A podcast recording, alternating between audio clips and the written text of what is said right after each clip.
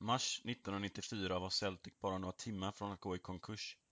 En man klev fram ur maktstridigheter, kritik från media och misstro från en hel del fans. Skulle Fergus McCann, till mångas förvåning, bli mannen som räddade Celtic?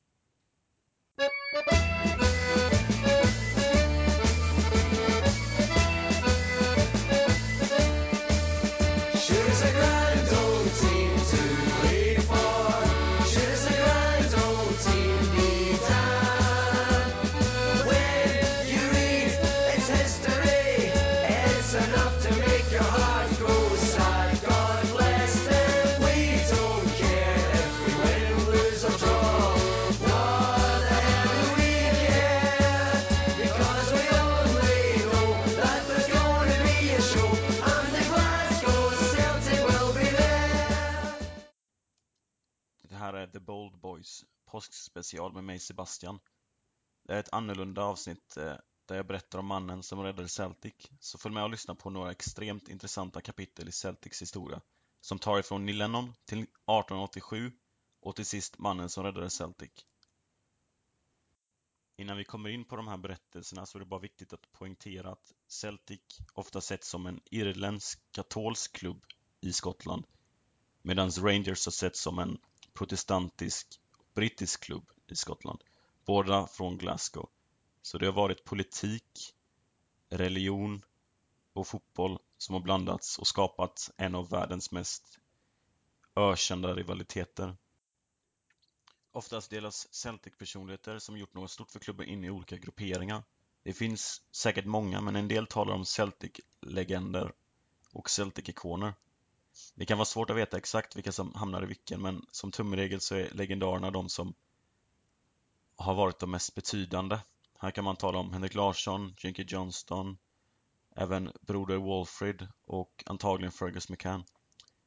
Bland ikonerna, och här är Celtic full av ikoner, så kommer de resterande stora in spelare, tränare och några som gjort något för Celtic och som älskats av, av fansen. Den senaste av dessa ikoner är onekligen Neil Lennon. Född i Lurgan som katolsk irländare kom Neil Lennon att bli en hatad man på Glasgows gator.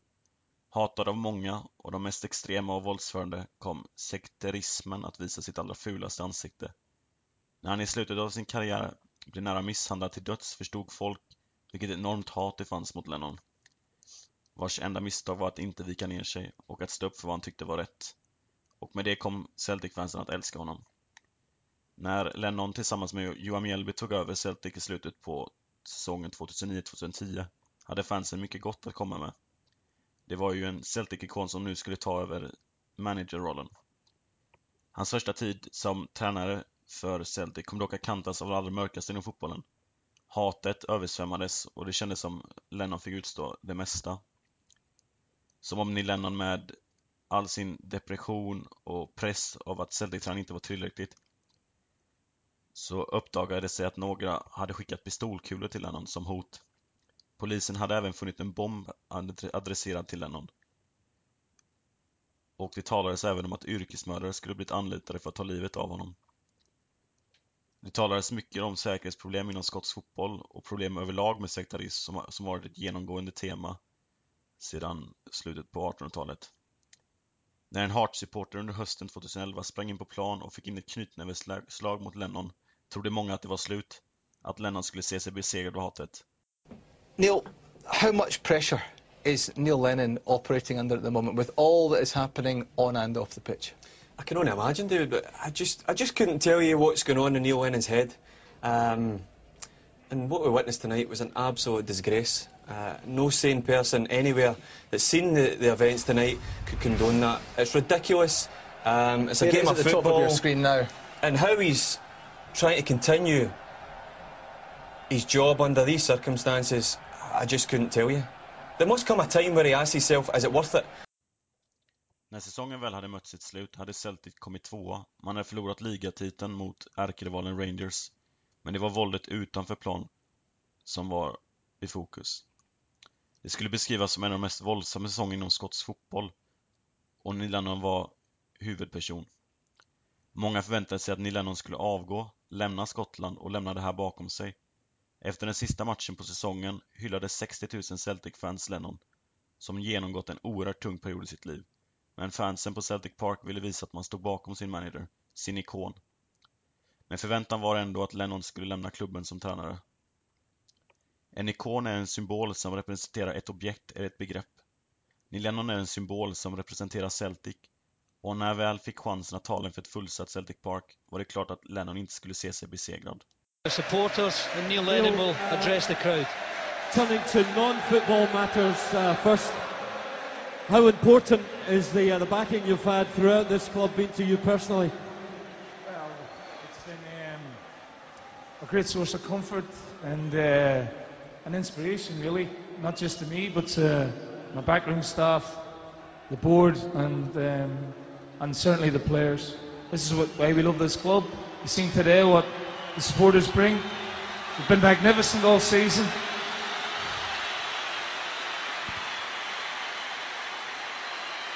Talking of that incredible uh, Celtic support, how important is that uh, to you and uh, to the team going forward next season? Well, for me, this is just this isn't the end. This is just the beginning.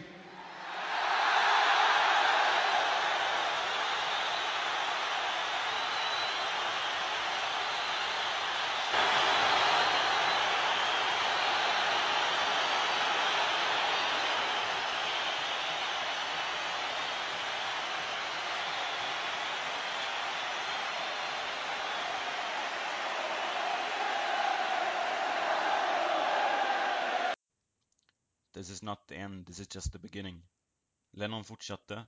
Han vann sedan två titlar och kvalade in till CL. där Celtic spelade mot Barcelona drygt 125 år efter att broder Walfrid hade grundat klubben. Den 7 november var det, 2012, då Lennon verkligen kunde skriva in sin Celtic-historia. Lennon hade lyckats kämpa sig igenom det värsta hatet och kunde nu fokusera på fotbollen. I slutet på andra halvlek ledde Celtic med 1-0 mot Barcelona ett av världens genom tiderna bästa lag. Lennon har precis bytt in en 18-åring som heter Tony Watt. Och Tony Watt får sin livschans när bollen slinker igenom Barcelonas försvar genom utspark från Celtics målet Fraser Forster. Det här kommer vara Lennons största vinst som manager, kanske den största segern i hans liv. Chavis error. This is Tony Watt. He's done it. This is the stop of legend. At the age of just 18, Tony Watt takes his place in Celtic folklore. This is mind-blowing.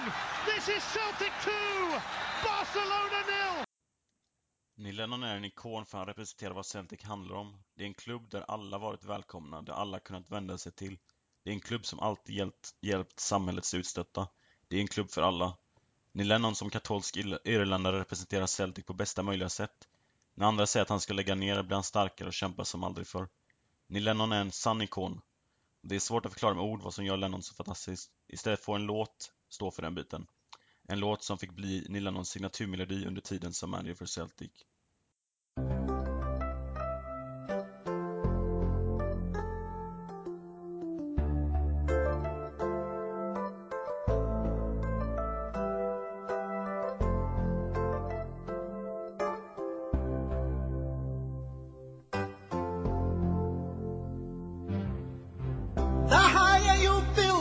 Barriers, the taller I become. The farther you take my rights away, the faster I will run.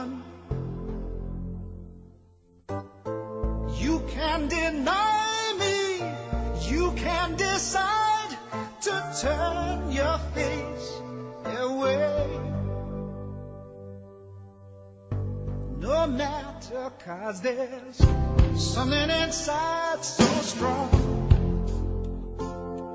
I know that I can make it, though you're doing me wrong, so wrong. You thought that my pride was gone. Oh no, something inside so strong. Oh, something inside so strong.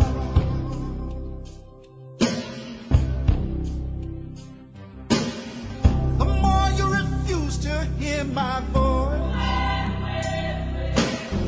The louder I will sing. You hide behind walls of Jericho. Your lies will come tumbling.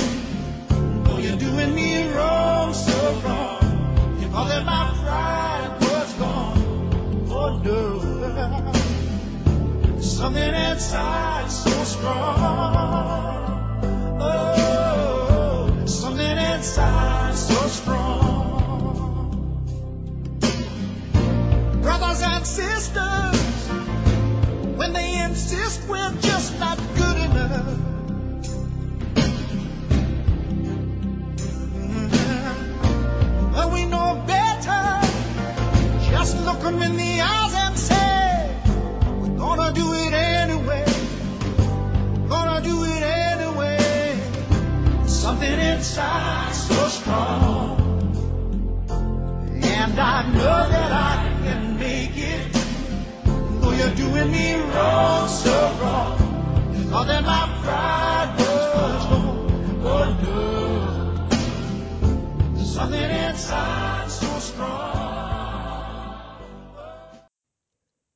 6 november 1887 under ett möte i St. Marys katolska kyrka på East Rose Street i Glasgow satt Brother Walfrid, eller Broder Walfrid, med en idé om att skapa en fotbollsklubb. Fotbollen hade blivit populär och många såg det som ett söndagsnöje att kolla på fotboll. Fler och fler klubbar grundades. Walfrid såg därför möjligheten att samla in pengar till välgörenhet eftersom folk verkar vara beredda att betala för att se matcher. Broder Walfrid grundade stiftelsen The Poor Children's Dinner Table och idén hade han troligtvis fått från Hibernian Football Club som hade grundats några år tidigare i Edinburgh av irländska immigranter. Den 28 maj 1888 spelade Celtic sin första match mot Rangers, där Celtic vann med 5-2. Och det här var den första upplagan av The Old Firm. Broder Walfrid föddes i en by i södra Sligo i Connacht på Irland. Men kom senare att emigrera till Skottland och Glasgow. Han arbetade i Glasgows östra delar där fattigdomen var utbredd och det var mer än hans religiösa sida som han drevs av. Han ville verkligen hjälpa andra människor. Tyvärr var området svårt att tygla och många soppkök utnyttjades av kriminella grupper som lockade folk till deras sekter eller gäng. Walfrid var därför tvungen att hitta en annan väg in för att kunna hjälpa människor i hans område. Han grundade därför Celtic för att kunna få ihop pengar till att primärt hjälpa fattiga i Glasgows östra delar. Namnet Celtic, ett namn som återkopplades till den keltiska gemenskapen som funnits mellan Irland och Skottland, men också för att välkomna irländare. Det blev lite av en irländsk klubb i Skottland.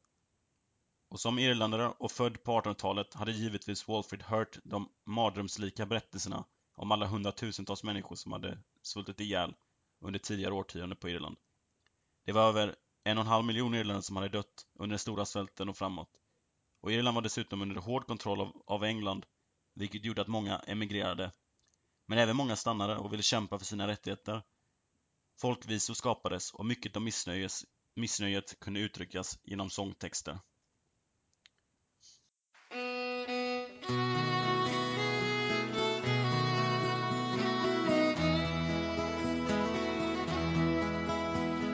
by a lonely prison wall. I heard a young girl call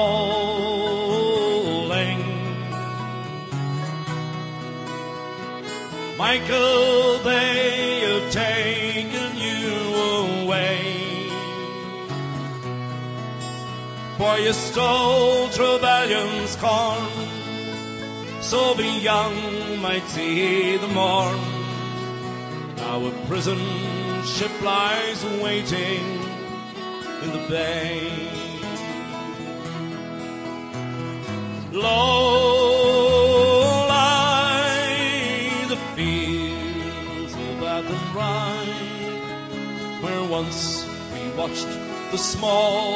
Free birds fly. Our love was on the wing we had dreams and songs to sing. It's so lonely round the fields of Athenry. by a lonely prison wall. I heard a young man calling.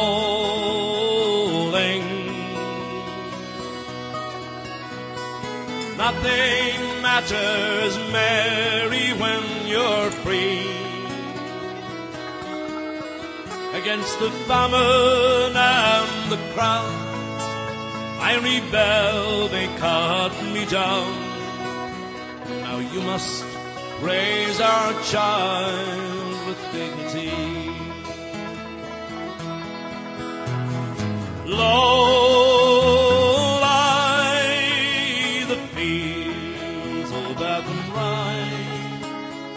once we watched the small free birds fly.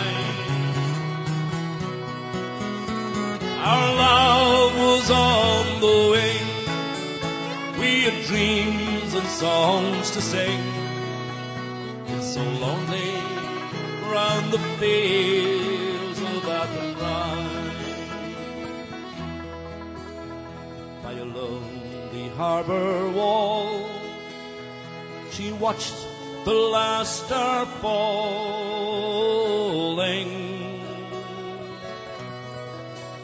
as the prison ship sailed out against the sky.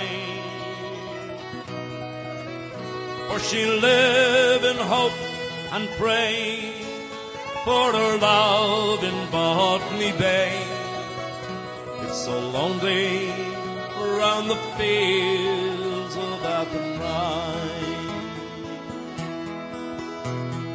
Low lie the fields of Athenry, where once we watched the small free birds fly.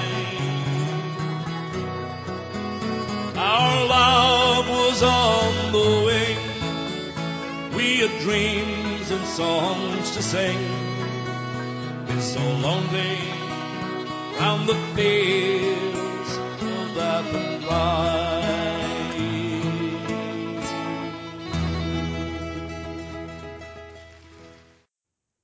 Det var bara naturligt att Walfrid ville göra allt för att undvika framtida svälter.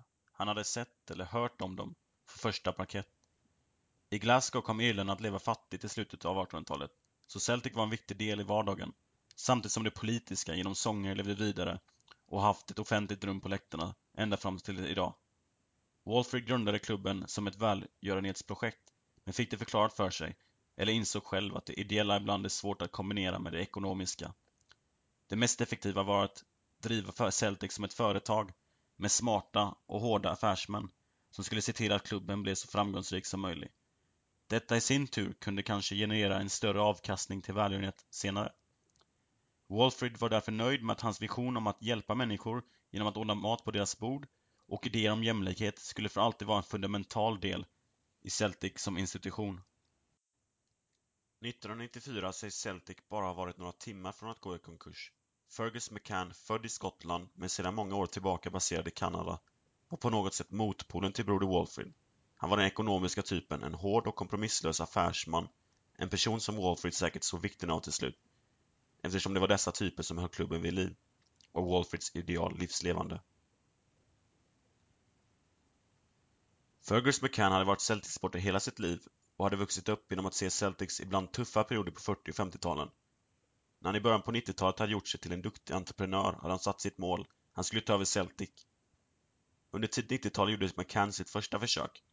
Han ville finansiera återuppbyggnaden av Celtic om han fick rätten till de nästkommande tre årens marknadsföring av säsongskorten. Men Celtics styrelse förkastade McCanns bud. McCann blev upprörd men sågs inte besegrad. Om styrelsen inte ville ha hans hjälp så varför inte avsätta hela styrelsen, tänkte han. Celtics styrelse under den här tiden var i hårt frågasatt och de drev Celtic mot sitt slut mer eller mindre. Så att McCann valde att slå till nu och slå hårt mot hårt var helt enkelt nödvändigt för Celtics överlevnad. En lång och bitter kamp om makten följde, där McCann till och med bli portad från Celtic Park, där Celtics existens var hotad. Celtic kunde gått i administration och sedan en konkurs, där bankerna började närma sig Celtic vid den här tiden. Den här kaotiska tiden.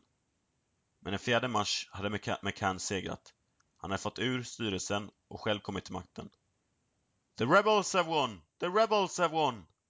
Hette det i tidningarna, som syftade till att McCann som rebell och hans rebelliska kupp hade varit framgångsrikt och de avsatt hela styrelsen. McCann såg sina möjligheter att göra en smart affär här och tjäna mer pengar.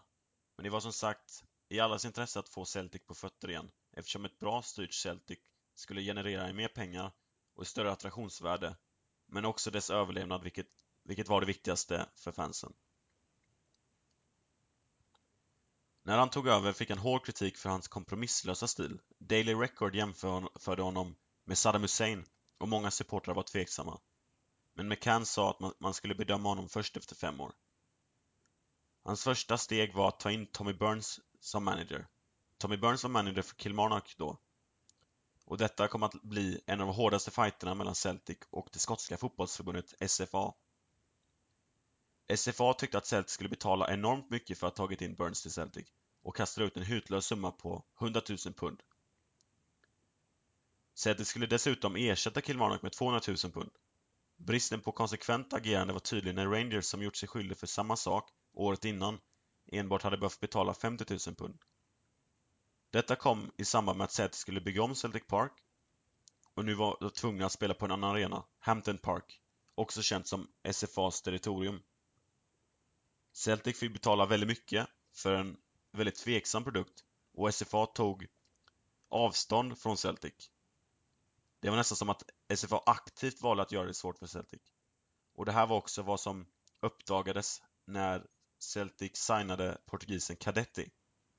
Chefen för SFA hade, hade försenat registreringen med flit så att inte spelaren skulle bli tillgänglig för Celtic. Och när det här kom upp till ytan var SFA tvungna att rensa i sin organisation. Men det var också ett kvitto på att McCann inte skulle tillåta SFA behandla Celtic hur som helst och att Celtic inte längre skulle vara en andra klassens medborgare i skotska ligan. Fergus McCanns främsta arv består i något annat. Han ville modernisera Celtic Park, göra det till en större arena för att få upp intresset och samtidigt göra det säkrare att gå på fotboll. Och det är möjligt att Hillsborough-katastrofen 1989 hjälpte till i att inse vikten av en modernisering av arena och ett säkrare klimat. Ett större Celtic Park skulle samtidigt generera fler säsongskort och större intresse från sponsorer. Det man kunde säga efter McCanns fem år var att han hade gjort Celtic till ett börsnoterat bolag och därmed räddat Celtic från konkurs. Han öppnar upp för supportrar att köpa aktier i sin klubb eftersom dessa, supportrarna, alltid skulle stå bakom Celtic. Så idag har därför många supportrar aktier i Celtic, aktier som de aldrig kommer sälja. Celtic Park färdigställdes där nu 60 000 kunde se Celtic. McCann hade också gått emot SFA och fått mer att säga till om i skotsk fotboll. Han hade lanserat ett begrepp Boys Against Bigotry, där han ville gå emot sekterismen som florerade i Skottland. Han såg också Celtic vinna sin första titel på tio år och hade därmed fått Celtic på fötter igen. Han hade så stoppat Rangers från att vinna den tionde raka ligatiteln. Mycket tack vare en smart värvning av Henrik Larsson.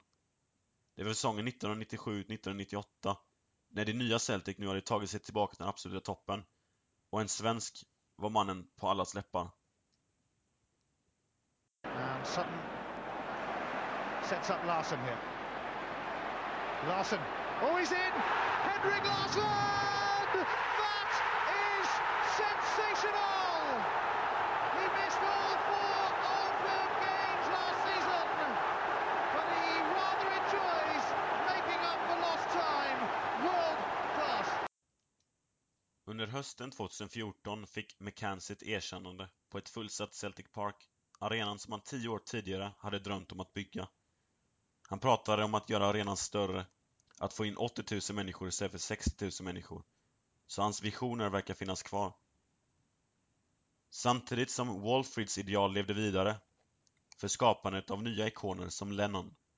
Walfrid och McCann är legender för vad de gjort för Celtic, men Lennon som ikon representerar Celtic som den kaxige som ofta tagit kampen emot etablissemanget för att bevisa dess storhet.